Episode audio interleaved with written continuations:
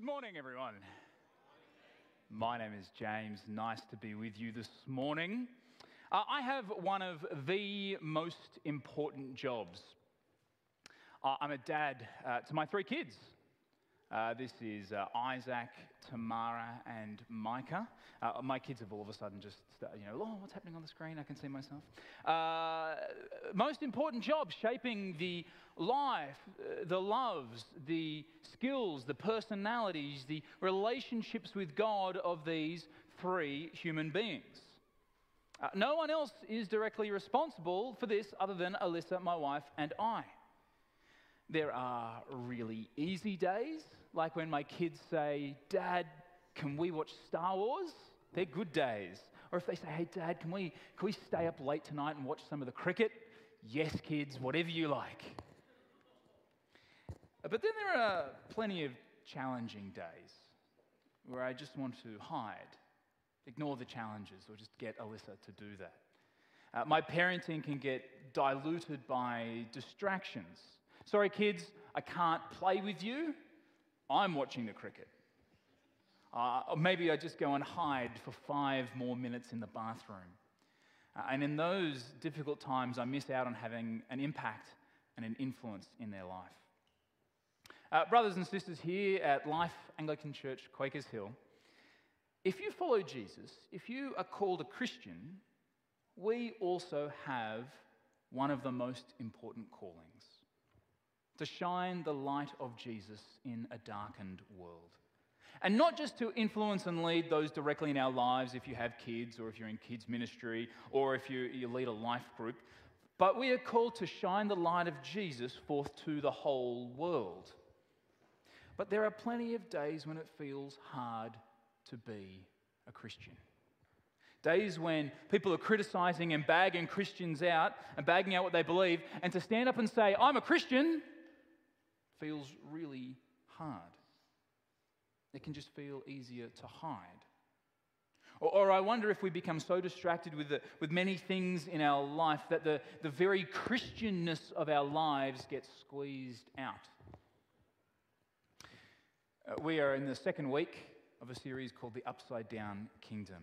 Uh, looking at the Sermon on the Mount. Last week, uh, Jeff opened up the start of chapter 5 where we looked at the Beatitudes. And we had a look at one of the defining characteristics of Christians that Christians are to be poor of spirit, to be humble. And this is exemplified by Jesus, Jesus who was willing to die on the cross. And in Jesus' famous Sermon on the Mount, he is talking to his disciples. And today we're going to see two illustrations he uses where he calls us to be salt and light.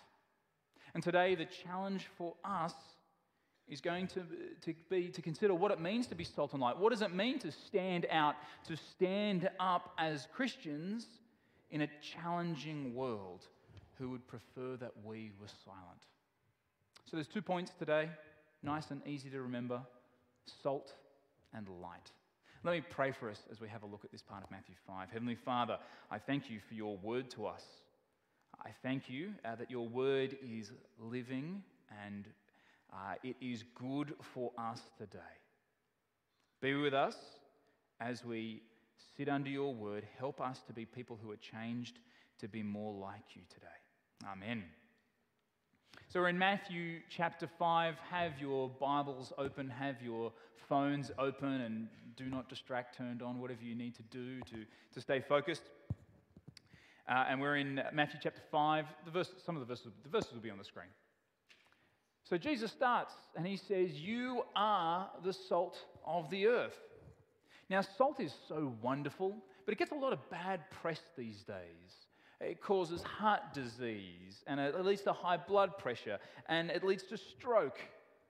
But there are really many good reasons why salt is in food. Two main reasons it adds flavor and it preserves things, it preserves food.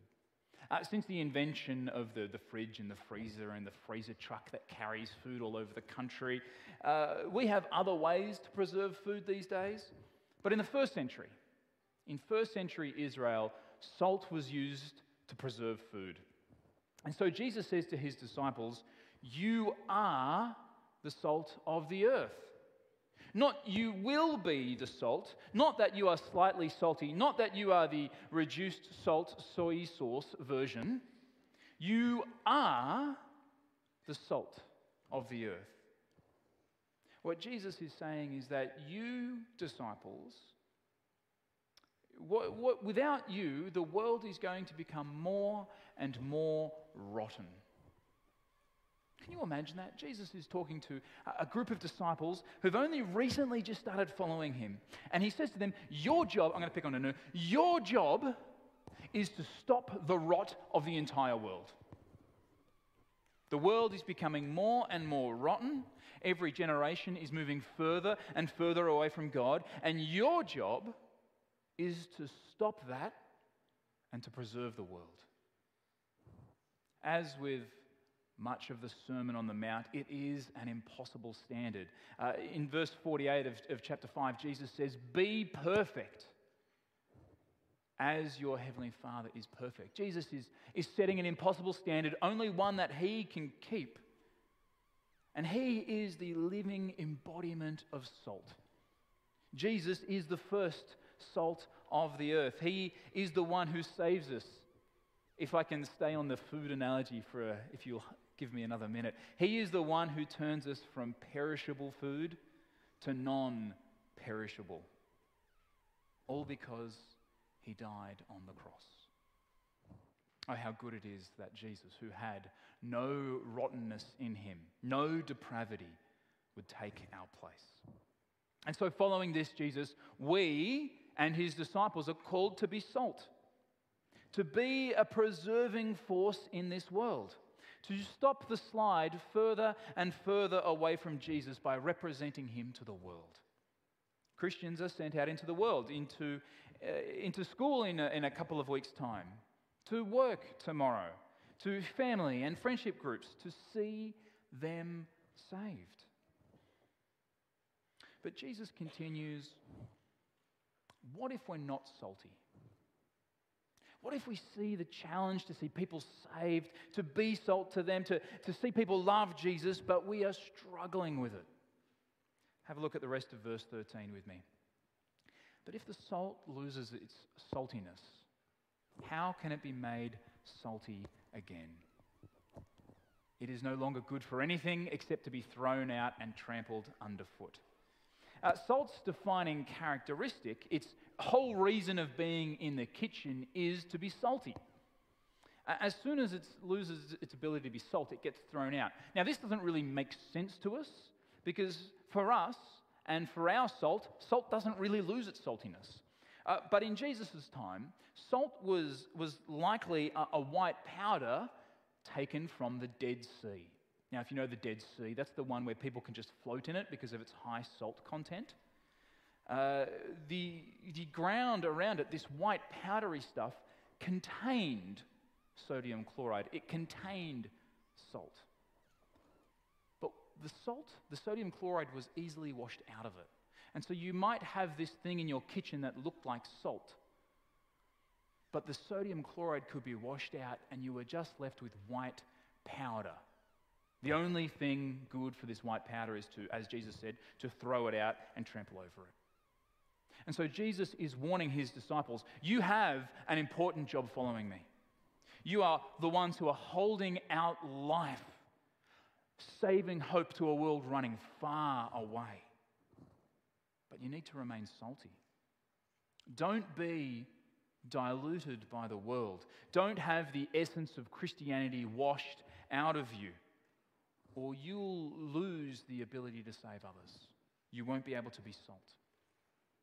Now, I'm very new here at Life Anglican Quakers Hill. This is my second Sunday. If you were wondering, I don't think I've seen that guy before. You haven't. Uh, I've been having a great time getting to know you. I'm working really hard at learning names. If I get your name wrong, um, keep your name tag on, please. That, that'll be very helpful for me. But here's some things about me that you'll get to know more and more about over time. Uh, I love exercise, particularly weightlifting at the moment. Uh, I love cricket. Rugby league is fine. I'm a Parramatta supporter. I don't know if that means you love me or hate me.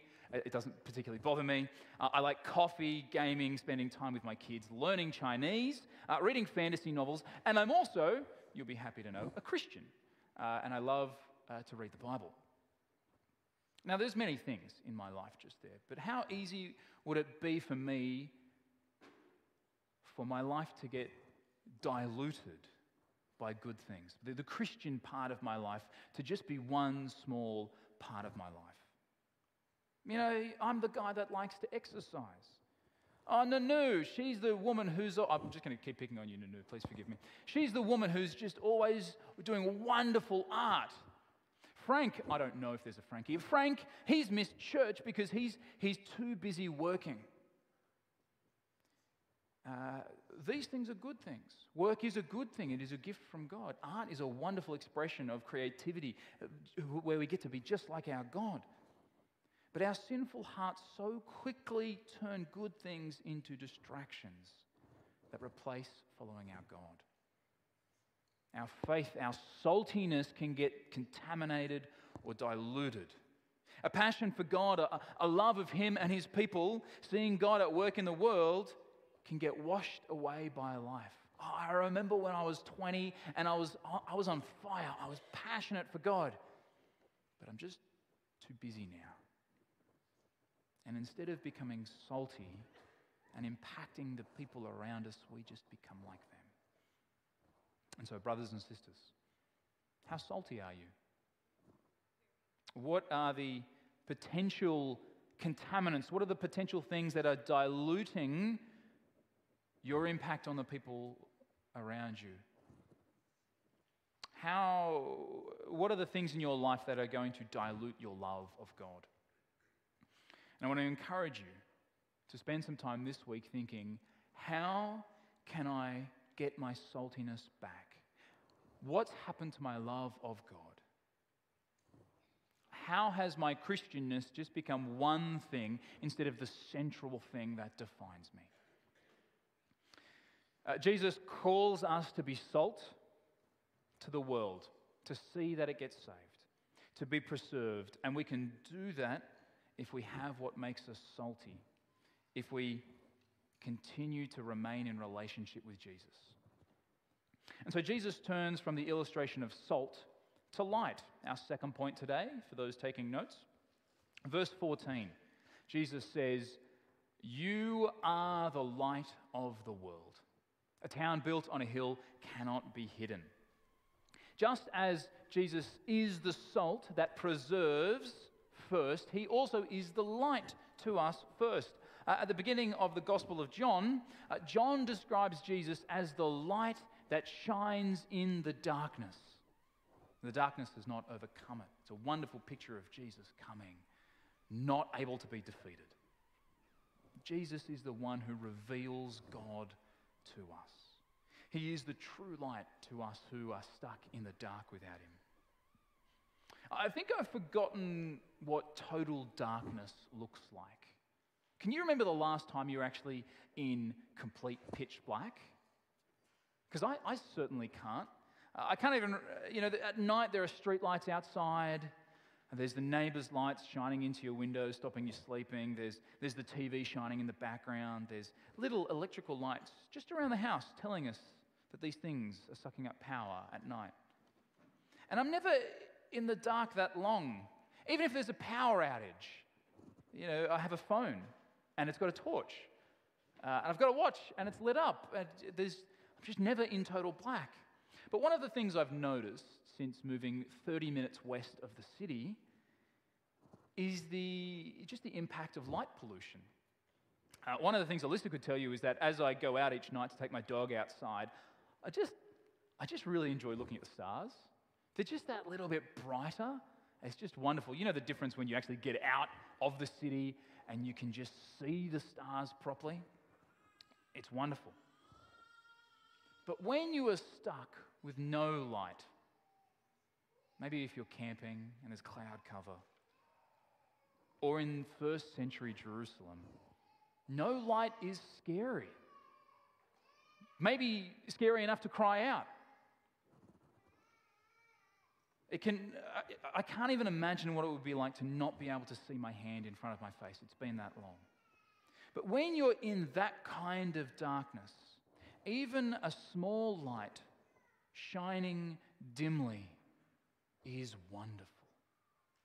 And it brings hope. And so the disciples and us are called to be like Jesus, to be a light of hope. A light that, even though it might be small in a darkened time, faintly glimmering, gives hope to people to see Jesus. Jesus calls us to make sure that the light, our hope, our love, our relationship with Jesus can still be seen, that's not hidden. Uh, imagine you've just hit a blackout. For the first time in a long time, it's actually pitch black. It's late at night, it's dark, but you've got your phone because you don't, you're pretty sure you own a torch, but you don't have the right batteries for the torch anymore. So you pull out your phone and you put the torch on. Ah, oh, I can finally see.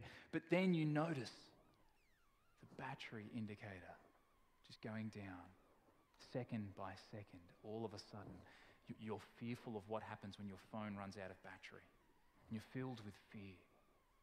And so Jesus warns us not to hide our light because it is the hope of the world. Verse 15 Neither do people light a lamp and put it under a bowl. Instead, they put it on its stand and it gives light to everyone in the house. In the same way, let your light shine before others, that they may see your good deeds glorify your Father in heaven. Uh, the light that Jesus is speaking about is our good deeds. They put Christians and Christianity on the map. They shine the light of Jesus forward. Every time you choose to love someone as Jesus has loved you, every time you, you choose to sacrificially give as Jesus sacrificed himself for you, every try, time you choose to love God love, uh, more than yourself, is a time of shining the light of Jesus forward. And this is what Christianity has always done. Good works have always been done in public ways to shine the light and love of Jesus. Uh, Christians have started orphanages and hospitals and schools. They've fought against slavery and brought in prison reform. This is what Christianity has done uh, since it was invented, since, since Jesus' time. Christians shine the light of Jesus to see the darkness of the world alleviated. Uh, in my very brief time here in the last week, uh, it's been wonderful to hear about how this church has done this. Uh, in uh, hearing about how in COVID times, as if we're not in COVID times, uh, let me rephrase that. How in lockdown times, our church helped people who were in need. Uh, more than $40,000 worth of food was bought and delivered in hampers to people. Being who we are as Christians. Was it to say, hey, look at us, how great are we here at Life Anglican Church, Quakers Hill? We're the best. Or was it to say, Jesus is the best, and I, I tell you what, He has loved me, He has loved us so much, we just want to love and bless you? And for, from what I hear, people at this church really got behind that. People served, people delivered food, people prayed for people. And one of my favorite things that always happens at these times when you just love someone, people are surprised. They don't know how to deal with this. Why are you doing this? Why is the church doing this? I'm so confused. And you just get that opportunity to say, it's because we're Christians. We just love people. We just, we just want to give you this. Is that okay? We just want to bless you. As a church, there, there are always going to be big organizational ways that we shine the light of Jesus forward. But there are also going to be small ways that we individually can do. Where possible, we should be seeking to be loving people, shining the light of Jesus forward. We as individuals are also called to be a light on a hill. But we also need to be careful when we do these. Have a look at that bottom of that verse 16. We do these good deeds not so they show off how good we are, but that they may glorify your Father in heaven, so that people would see how good God is and glorify Him. But there's also a challenge. It is easy, as Jesus knows, to shine a light, to be a Christian and then cover it up. Now, I can't really imagine doing that with a candle because I'm worried I'll just burn it. But Jesus is calling us not to hide who we are. Just wanting to be a good person, but not letting others know we're a Christian. Maybe we do it out of fear. I'm not sure about you, but uh, we might just do it out of awkwardness. Oh, if I tell them a Christian, it's going to change the relationship. I really can't do this. Uh, over the last couple of weeks, getting to know people outside of church, the conversation has always gone the same. Oh, you've moved into this house. Oh, why have you moved? Oh, I'm working at Life Anglican Quakers Hill. Oh, where's that? Oh, it's near the Aldi. Oh, yeah, I know that one. It, it, just because it's part of my job, people know that I'm a Christian. And there's a goodness to that.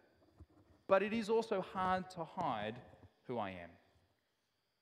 And yet, even yesterday, yesterday, uh, my family and I we were walking through some shops, and we, there was a homeless person there. And my kids, one of my kids said to me, Dad, we should help that person. And I didn't stop.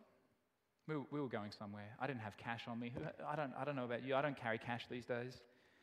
Uh, I didn't have the heart to stop and engage, to love sacrificially with my time and my finances, and pause for five minutes the day where I was going. And in that moment, I took the light of Jesus and just covered it with my laziness, with my desire to just keep going, with my preference to not do something slightly awkward, because it was hard.